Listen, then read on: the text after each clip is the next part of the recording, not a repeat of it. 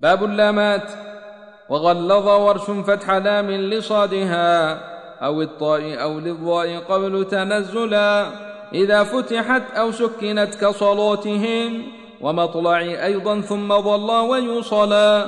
وفي طال خلف مع فصالا وعندما يسكن وقفا والمفخم فضلا. وحكم ذوات الياء منها كهذه وعند رؤوس الآي ترقيقها اعتلى وكل لدى اسم الله من بعد كسرة يرققها حتى يروق مرتلا كما فخموه بعد فتح وضمة فتم نظام الشمل وصلا وفيصلا